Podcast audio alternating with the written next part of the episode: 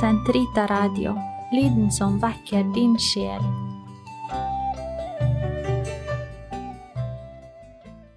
I gjennomlesningen av kompendiet for Den katolske kirke er vi nå kommet til tredje del og første avsnitt og annet kapittel Det menneskelige samfunn, enkeltmennesket og samfunnet. Hva består menneskets samfunnsmessige dimensjon i? Ved siden av det personlige kall til salighet har mennesket også en samfunnsmessig dimensjon som utgjør et vesentlig element i dets natur og kall. Alle mennesker er nemlig kalt til det samme mål – Gud.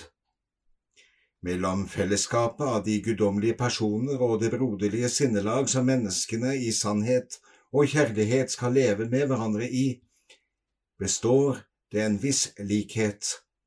Kjærlighet til nesten lar seg ikke skille fra kjærlighet til Gud.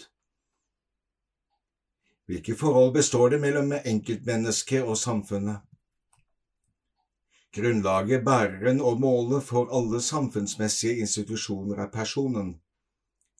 Slik må det være. Mange fellesskap, som familien og staten, er nødvendige for mennesket. Hvis man tar hensyn til subsidiaritetsprinsippet, kan også andre sammenslutninger være nyttige, både innenfor det politiske sektor og på det internasjonale plan. Hva står subsidiaritetsprinsippet for? Ifølge dette prinsippet skal en høyere samfunnsinstans ikke overta en lavere samfunnsinstanses oppgaver, og ikke frata dens kompetanse. Om nødvendig skal den snarere støtte den. Hva er utover dette nødvendig for et ekte menneskelig samliv? Det er nødvendig at den tar hensyn til rettferdigheten og verdienes rette orden, og at den lar de materielle dimensjoner og driftene være underordnet de indre og åndelige dimensjonene. Særlig der hvor synden ødelegger det samfunnsmessige klimaet, må en forkynne hjertenes omvendelse og appellere til Guds nåde for at det skal komme endringer i samfunnet, endringer som virkelig tjener hvert menneske og hele personen. Kjærligheten som krever og muliggjør rett handling, er det største sosiale bud. Deltagelsen i samfunnslivet Hva er grunnlag for myndigheten i samfunnet? Ethvert menneskelig samfunn har behov for å bli styrt av en rettmessig myndighet som opprettholder samfunnsordenen og sikrer fellesskapets beste. Denne myndigheten har sitt grunnlag i den menneskelige natur, for den svarer til den orden Gud har fastsatt. Når blir myndigheten rettmessig utøvd? Myndigheten blir rettmessig utøvd når den søker det felles gode og benytter seg av moralsk tillatelige midler for å oppnå det. Derfor bør regjeringsformene bestemmes av innbyggernes frie vilje. En må respektere rettsstatens prinsipp, der loven og ikke menneskenes vilkårlige vilje råder. Urettferdige lover og midler som står i motsetning til den moralske orden, er ikke forpliktende for samvittigheten. Hva er det felles gode? Det felles gode er summen av alle de forhold i samfunnslivet som kan gjøre det lettere for mennesket å virkeliggjøre seg fullt ut, både individuelt og kollektivt. Hva hører til det felles gode? Til det felles gode hører respekt for og fremme av enkeltmenneskets grunnleggende rettigheter, åndelige og timelige samfunnsgoder, fred og trygghet for alle. Hvor blir det felles gode mest fullstendig virkeliggjort? Det felles gode blir mest fullstendig virkeliggjort i de politiske fellesskap, som beskytter og fremmer borgernes og de lavere samfunnsorganers beste, uten å glemme den menneskelige families allmenne vel. Hvordan medvirker mennesket til å virkeliggjøre det felles gode? Ethvert menneske medvirker på sin plass og i sin rolle til å fremme det felles gode. Det skal følge de rettferdige lover og sette seg inn i de områder det har et personlig ansvar for. Til dette hører for eksempel omsorgen for ens egen familie og innsatsen i arbeidet. Utover dette skal borgerne så mye som mulig delta aktivt i det offentlige liv.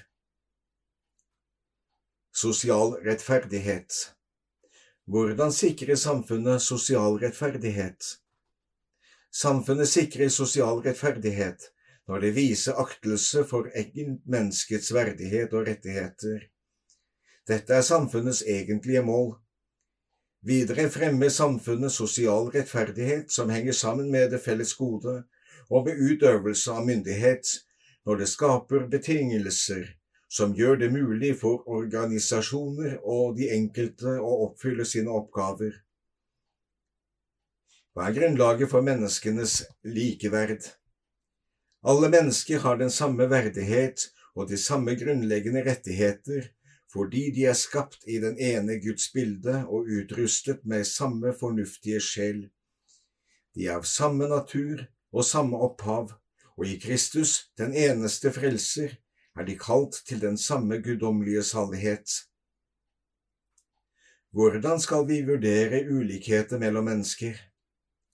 Det finnes urettferdige økonomiske og samfunnsmessige ulikheter som rammer millioner av mennesker. De står i åpen motsetning til evangeliet og motvirker rettferdigheten, enkeltmenneskets verdighet og freden. Men mellom mennesker finnes det også forskjellige ulikheter som svarer til Guds plan, og som kan være forårsaket av forskjellige faktorer. Gud vil nemlig at hvert menneske skal få hva det trenger fra andre, og at den som har særlige talenter, skal dele dem med andre. Ofte vil slike forskjeller oppmuntre og forplikte menneskene til sjenerøsitet, velvilje og fordeling av goder. De ansporer kulturene til å berike hverandre. Hvordan uttrykkes menneskelig solidaritet?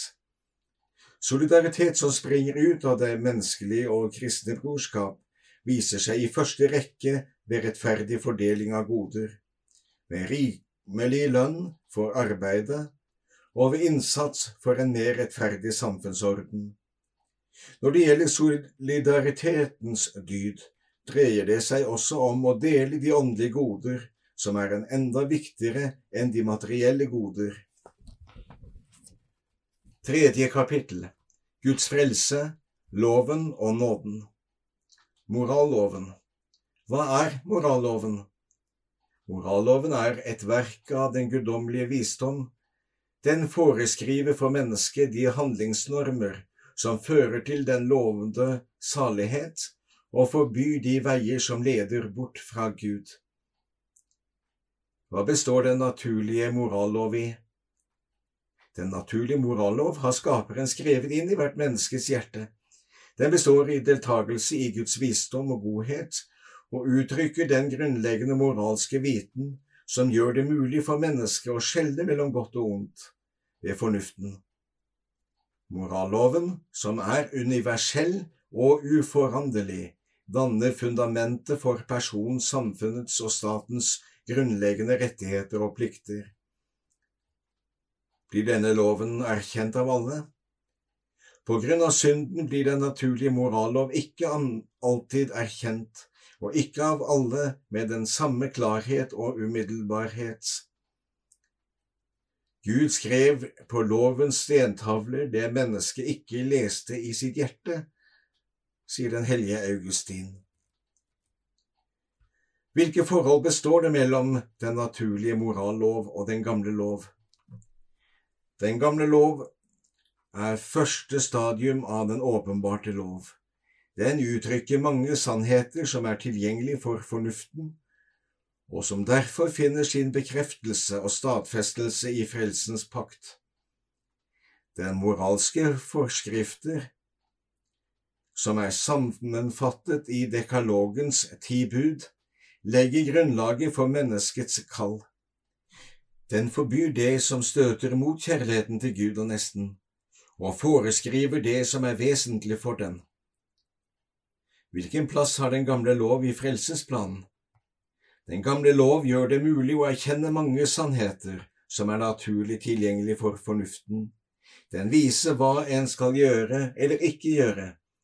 Som en klok læremester forbereder den fremfor alt omvendelsen og mottagelsen av evangeliet. Likevel, selv om den er hellig, åndelig og god, er den gamle lov ufullkommen, siden den ikke av seg selv gir styrke og Åndens nåde til å overholdes. Hva er den nye lov eller evangeliets lov? Den nye lov eller evangeliets lov, forkynt og virkeliggjort av Kristus, er fylden og fullendelsen av den guddommelige lov, den naturlige og den åpenbarte. Den er sammenfattet i bud om å elske Gud og vår neste, og om å elske hverandre slik Kristus har elsket oss. Den er også en virkelighet i menneskets indre, Den hellige ånds nåde, som muliggjør en slik kjærlighet. Den er frihetens lov, ifølge Jakob kapittel 1 vers 25 for den beveger oss til spontant å handle av kjærlighet. Den nye lov er fremfor alt selve Den hellige ånds nåde, som er gitt dem som tror på Kristus, ifølge den hellige Thomas av Avokino. Hvor finner en den nye lov? Den nye lov finnes i hele Kristi liv og forkynnelse, og i apostlenes moralske katekese. Bergpreken er dens fremste uttrykk nåde og rettferdiggjørelse. Hva er rettferdiggjørelsen? Rettferdiggjørelsen er Guds kjærlighets mest fortreffelige verk. Den er Guds barmhjertige og frie handling, som utsletter våre synder og gjør oss rettferdige og hellige i hele vårt vesen. Dette skjer ved Den hellige ånds nåde, som gjennom Kristi lidelse ble oss fortjent og som i dåpen blir skjenket oss. Med rettferdiggjørelsen begynner menneskets frie svar, det vil si troen på Kristus og samarbeidet med Den hellige ånds nåde. Hva er det nåde som rettferdiggjør? Nåden er den uforskyldt gave Gud gir oss for at vi skal få del i Hans treenige liv, og for å gjøre oss i stand til å handle ut ifra kjærlighet til Ham. Den blir kalt den vedvarende, helliggjørende eller guddommeliggjørende nåde, fordi den helliggjør og guddommeliggjør oss. Den er overnaturlig fordi den helt og fullt avhenger av Guds uforskyldte inngripen og overgår sinnets evner og menneskets kraft. Derfor unndrar den seg vår erfaring. Hvilke andre former for nåde finnes det? Ved siden av den vedvarende nåde finnes handlingsnåde, altså gave knyttet til bestemte omstendigheter. Sakramentale nådegaver, altså særegne for hvert sakrament, og de særlige nådegaver eller karismer, som har Kirkens felles beste for øye. Til disse siste hører standsnåden, som følger med utøvelsen av kirkelige tjenester og livets plikter. Hva er forholdet mellom nåden og menneskets frihet? Nåden foregriper, forbereder og utløser menneskets frie svar. Nåden kommer den menneskelige frihets dype lengsler i møte, kaller den til samarbeid og leder den til fullkommenhet. Hva er fortjeneste? Fortjeneste gir vanligvis krav på belønning for en god gjerning. Overfor Gud kan mennesket ikke fremholde noen fortjeneste, for det har alt mottatt alt ut fra Hans nåde. Likevel gir Guds, Gud oss mulighet til å oppnå fortjenester gjennom forening med Kristi kjærlighet, som er kilden til våre fortjenester overfor Gud. De gode gjerningers fortjenester må derfor først og fremst bli tilskrevet Guds nåde, og deretter menneskets frie vilje. Hvilke goder kan vi fortjene? Drevet av Ånden kan vi fortjene for oss selv og andre nådegaver som tjener til vår helliggjørelse og til å oppnå det evige liv. Selv nyttige timelige goder kan etter Guds plan fortjenes. Ingen kan gjøre seg fortjent til den første nåde som ligger til grunn for omvendelsen og rettferdiggjørelsen.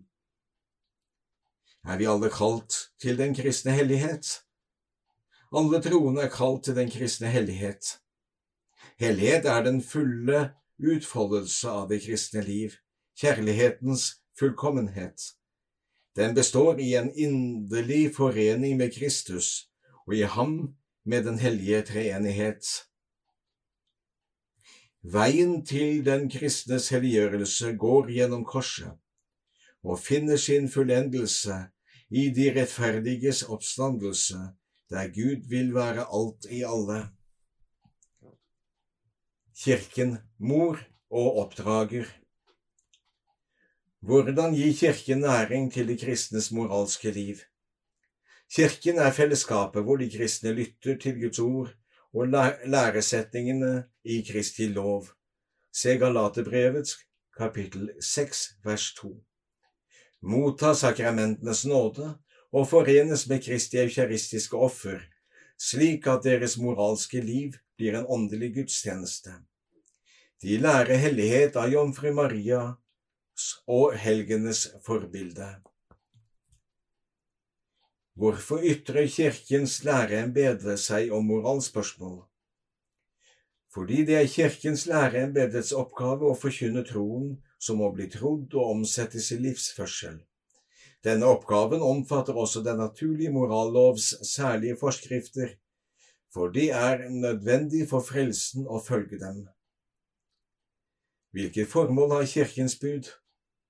Kirkens fem bud har som mål å sikre de troende det nødvendige minstemål av bønn, sakramentalt liv, moralsk handlekraft og vekst i kjærlighet til Gud og vår neste. Hva er Kirkens bud? Det er én å delta i messen på søndager og pålagte festdager å avstå fra arbeid og aktiviteter som blir en fare for disse dagenes helliggjørelse. For det andre for å skrifte sine synder minst én gang i året ved å ta imot forsoningens sakrament. For det tredje å motta eukaristiens sakrament i det minste i påsketiden. For det fjerde å avstå fra å spise kjøtt og overholde fasten på de dagene Kirken har fastsatt og for det femte å bidra til Kirkens materielle behov efter evne. Hvorfor er kristnes moralske liv unnværlig for forkynnelsen av evangeliet? Når deres liv er i overensstemmelse med Herren Jesus, leder kristne andre til troen på den sanne Gud, bygger opp kirken, opplyser verden med evangeliets ånd og fremskynder Guds rikes komme. Neste uke så innleder vi det andre avsnitt i kompendiets tredje del, De ti bud.